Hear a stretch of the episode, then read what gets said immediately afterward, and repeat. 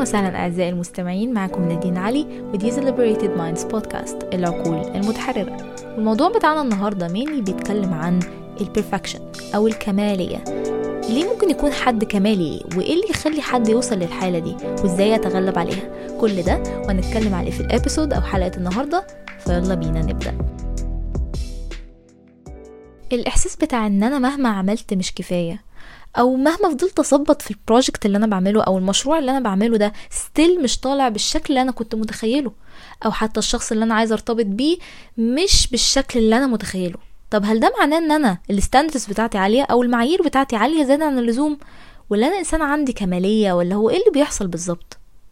الكمالية في الأصل هي صورة بنرسمها من الوحي الخيال بتاعنا لحاجة زي ideal أو حاجة مثالية يمكن تحقيقها. ولكن في الحقيقة تحقيق المثالية دي حاجة صعبة جدا.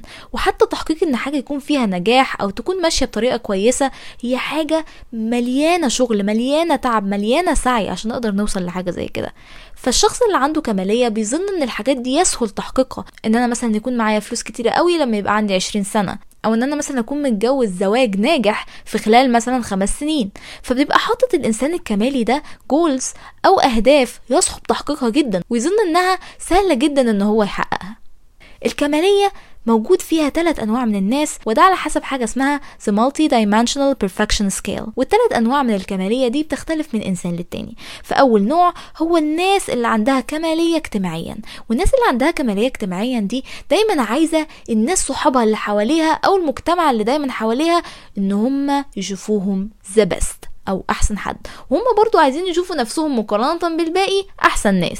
يعني لازم أكون أحسن حد في الشكل أحسن حد في النجاح أحسن حد في اللبس أحسن حد في علاقاتي الاجتماعية أحسن حد في كل حاجة وأي حاجة. ولو ما كانش الإنسان ده أحسن حد في كل حاجة وأي حاجة يبقى الإنسان ده بالنسبة لنفسه بقى ولا حاجة. تاني نوع بقى وهي الناس اللي عندها كمالية اتجاه الآخرين. يعني بمعنى أصح دايما بيدوروا على الكمال في الناس اللي هما بيتعاملوا معاهم. يعني لو صاحبتهم أو صاحبهم أو شريكهم أو شركتهم غلطت في حاجة معينة فمعنى كده إن إزاي يغلط؟ إزاي اللي قدامي يعمل غلط؟ أنا متوقع منه كل خير ومتوسم فيه كل خير. إزاي يعمل غلط؟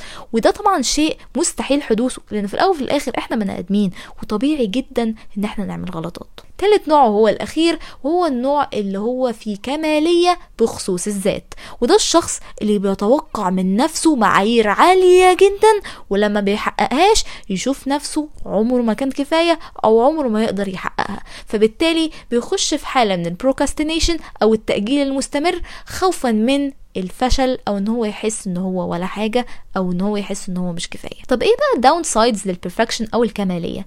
إيه اللي ممكن تكون العيوب اللي ممكن تأثر علينا بشكل سلبي لو فضلنا نسعى للكمالية دي؟ أول حاجة إن إحنا هيبقى عندنا توتر مفرط مزمن. يعني هو مش توتر مفرط بس هو كمان مزمن. يعني مكمل معانا حياتنا كل يوم وبشكل مستمر. يعني تخيل إن أنت تصحى من النوم قلبك بيدق بسرعة وحاسس إن أنت مش على بعضك وتصحى اليوم التاني نفس الحوار والتالت نفس الحوار والرابع نفس الحوار. لحد ما تكمل شهر بالمنظر ده متخيل إن جهاز المناعة بتاعك هيضيع منك؟ هتلاقي نفسك بيجيلك أمراض بسهولة دايما في مود مش حلو مش قادر تتعامل مع الناس. وكل ده عشان حاسس إن أنت في سباق ومحتاج إن أنت تكسب السباق ده. ولكن في الحقيقة السباق ده مجرد وهم أو خيال المخ عامله عشان توصل للكمالية اللي أنت متخيلها. تاني مشكلة بتحصل للناس اللي عندها كمالية وهو حاجة اسمها the imposter syndrome. وبمعنى صح إن ده الشخص بيفتكر انه لو عمل غلطة صغيرة جدا يبقى اتفضح. الشخص ده في الأصل شخص خداع وبيضحك على الناس وأصله غبي مثلا أو ما بيفهمش أو مثلا مش كويس كفاية أو هو ولا حاجة ومخبي على الموضوع ده وحاسس إن في حد هيكتشفه ويعرف بقى العيوب اللي عنده ويشوف قد إيه هو شخص مش مستحق قد إيه هو شخص خايب مثلا قد إيه هو شخص مش كفاية. فبالتالي عايش في قلق دايما من رأي الناس وعمال يخبي على نقاط الضعف بتاعته عشان لو حد اكتشفها هيكتشف إني مش نافع واني فاشل وإن الكلام ده كله. مع إن طبيعي جدا إن كلنا يبقى عندنا نقاط ضعف وإن كلنا يبقى عندنا مخاوف وطبيعي إن إحنا نحب نتكلم فيها. ولكن لشخص عنده كمالية بيبقى خايف جدا إن الناس تكتشف العيوب اللي عنده دي. الأثر السلبي الثالث للكمالية وهو الشعور إن أنت مش كفاية. مهما عملت أنا مش كفاية. والفكرة كلها إن العقل بيعيد إثبات الفكرة دي كل ما تعمل حاجة وتحس نفسك إن أنت محققتهاش حسب المعايير بتاعتك أو حسب معايير المجتمع أو حتى حسب معايير الناس. لازم الحاجة تتحقق بالكمالية المعينة دي عشان تبتدي تشوف نفسك كفاية. والمشكلة إن أنت ما تقدرش تحقق المعايير دي لأنها معايير كمالية والكمال لله فقط. يعني إحنا ما نقدرش نحقق الكمال لأن في الأول وفي الآخر تاني إحنا بني آدمين. ولكن بالرغم من كل المساوئ اللي ممكن تكون مصطحبة من الإنسان اللي عنده كمالية في حاجات إيجابية ممكن تكون مصطحبة من الإنسان اللي عنده كمالية. زي مثلا الإنسان ده عنده نمو مستمر في ال career مثلا بتاعه أو على حسب الحاجة اللي هو مركز فيها. يعني مثلا لو بيحب ال gym وال physical activities أو الرياضات الجسدية هتلاقي دايما إن هو بيسعى للنمو في الحاجة دي وفعلا بينمو فيها. وبرضه لو الشخص اللي عنده كمالية ده مركز على ال career بتاعه هنلاحظ إن هو عنده دايما نمو مستمر في ال career ده أو الركن ده في حياته. تاني حاجة دايما هم ناس ممكن تاخدوا منهم أحسن فيدباك أو أحسن رأي على الشغل بتاعك مثلا. لأن الناس دي بتبقى بتبص الحاجة بالتفاصيل جدا. فبالتالي لما تيجي تقيم حاجة بتاعتك هيبصوا عليها بالتفاصيل وفعلا يطلعوا فيها بعض المشاكل اللي انت تحتاج تحسنها. فلو عايز فيدباك أو رأي حد يكون فعلا دقيق وعايز يديك حاجة عشان تحسنك خد رأي حد عنده كمالية.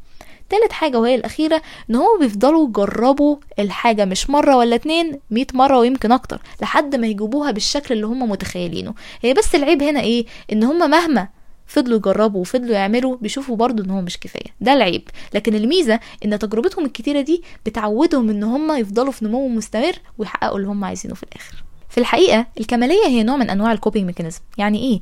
يعني من الآخر الإنسان بيحمي نفسه من شعور معين عن طريق إن هو يسعى إلى تحقيق الكمالية. بحمي نفسي من إن أنا أحس إني مش كفاية عن طريق إن أنا أحقق الكمالية عشان تغطي على الألم الفظيع اللي حصل لي سواء بقى من سن صغير أو حتى في المدرسة أو الحاجة اللي خلتني أصدق في نفسي إن أنا فعلا مش كفاية. فخلينا بقى نعرف إزاي نتعامل مع الكمالية دي إزاي ممكن نحسن من حالنا إزاي ممكن نتطور ونوقف ال cycle المقفولة اللي إحنا بنقع فيها على طول وبنحس بالوجع بيها دايما. أول حاجة لازم نعملها وإن إحنا نبعد نفسنا عن المنافسة. وده معناه إيه؟ يعني أنا مثلا لو قاعد مع أهلي وأهلي بيقعدوا يقولوا لي أنت لو ما نجحتش يا ابني هتبقى ولا حاجة. أنت من غير career كده أنت مالكش مستقبل. أنت مش عارفه الناس اللي بتبقى محاطة حواليك بالمنظر ده ويفضلوا يدوك النوع ده من الكلام دايما هيحسسوك الشعور اللي أنت طول عمرك بتهرب منه. وهو إن أنت مش كفاية غير لما تحقق حاجة فيها نوع من أنواع الكمالية في ركن معين من أركان حياتك.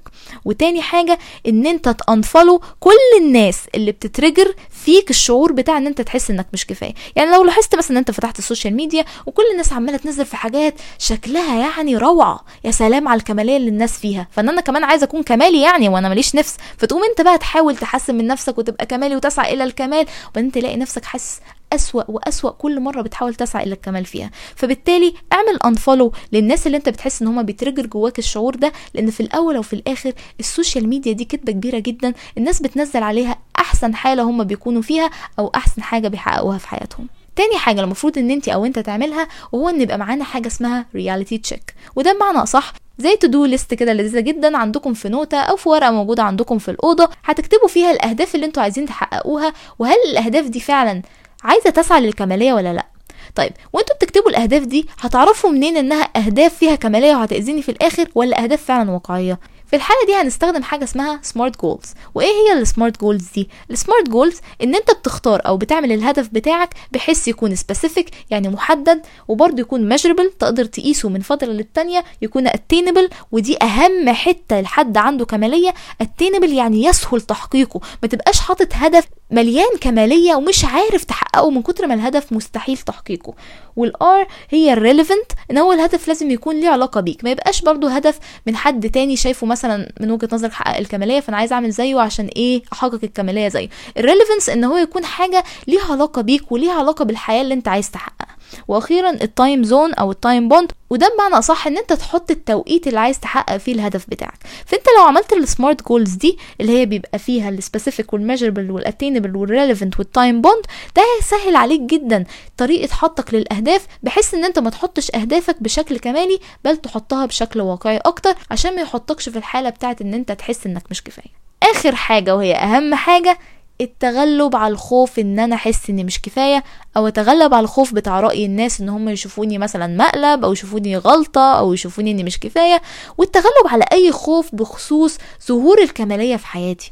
وده عن طريق إن إحنا بنعمل تمرين بسيط جدا وإن هو إن إحنا نغمض عينينا ونحاول نفكر في إيه أسوأ كيس سيناريو ممكن يحصل لو أنا مثلا ما حققتش الكمالية بتاعتي. هل الناس هتتريق عليا؟ هل الناس هتقلل مني؟ إيه بالظبط اللي هيحصل؟ هغمض عيني وأتخيل الموقف ده بالتفصيل. وبعد ما أتخيله هقول لنفسي تأكيدات معينة تفكرني بقد إيه أنا ممكن أتغلب على حاجة زي كده لو حصلت. زي مثلا طز في رأي الناس ما يهمنيش المهم ربنا شايفني إزاي وشايفني بحقق إيه وده أهم حاجة في حياتي. في الأول أو في الآخر أنا مش هتحاسب على رأي الناس يوم القيامة. أنا هتحاسب على الحاجة اللي أنا بعملها عشان خاطر ربنا يوم القيامة. وبعد ما توصل للمرحلة دي في التمرين آخر حتة فيه بقى إن أنت تتخيل الأوقات اللي أنت عملت فيها قيم كتيرة قوي عشان ربنا أو قيم كتيرة قوي للناس أنت بتحبها. وتفتكر إن قيمتك مش بتتحدد برأي الناس ولا بقد إيه أنت عملت حاجة فيها كمالية. قيمتك بتتحقق بالقيم اللي أنت بتستمدها من ربك وبتحققها في الحياة زي قيمة المساعدة قيمة المعرفة قيمة العلم قيمة الوعي وحاجات تانية كتير. وبكده هنكون وصلنا لنهاية الحلقة بتاعتنا. ما تنسوش تدعمونا بإن أنتوا تعملوا rating للبودكاست أو تكتبوا review أو comment صغير عن رأيكم في البودكاست دي لو هي عجبتكم. وأتمنى لكم يوم مبهج وسعيد.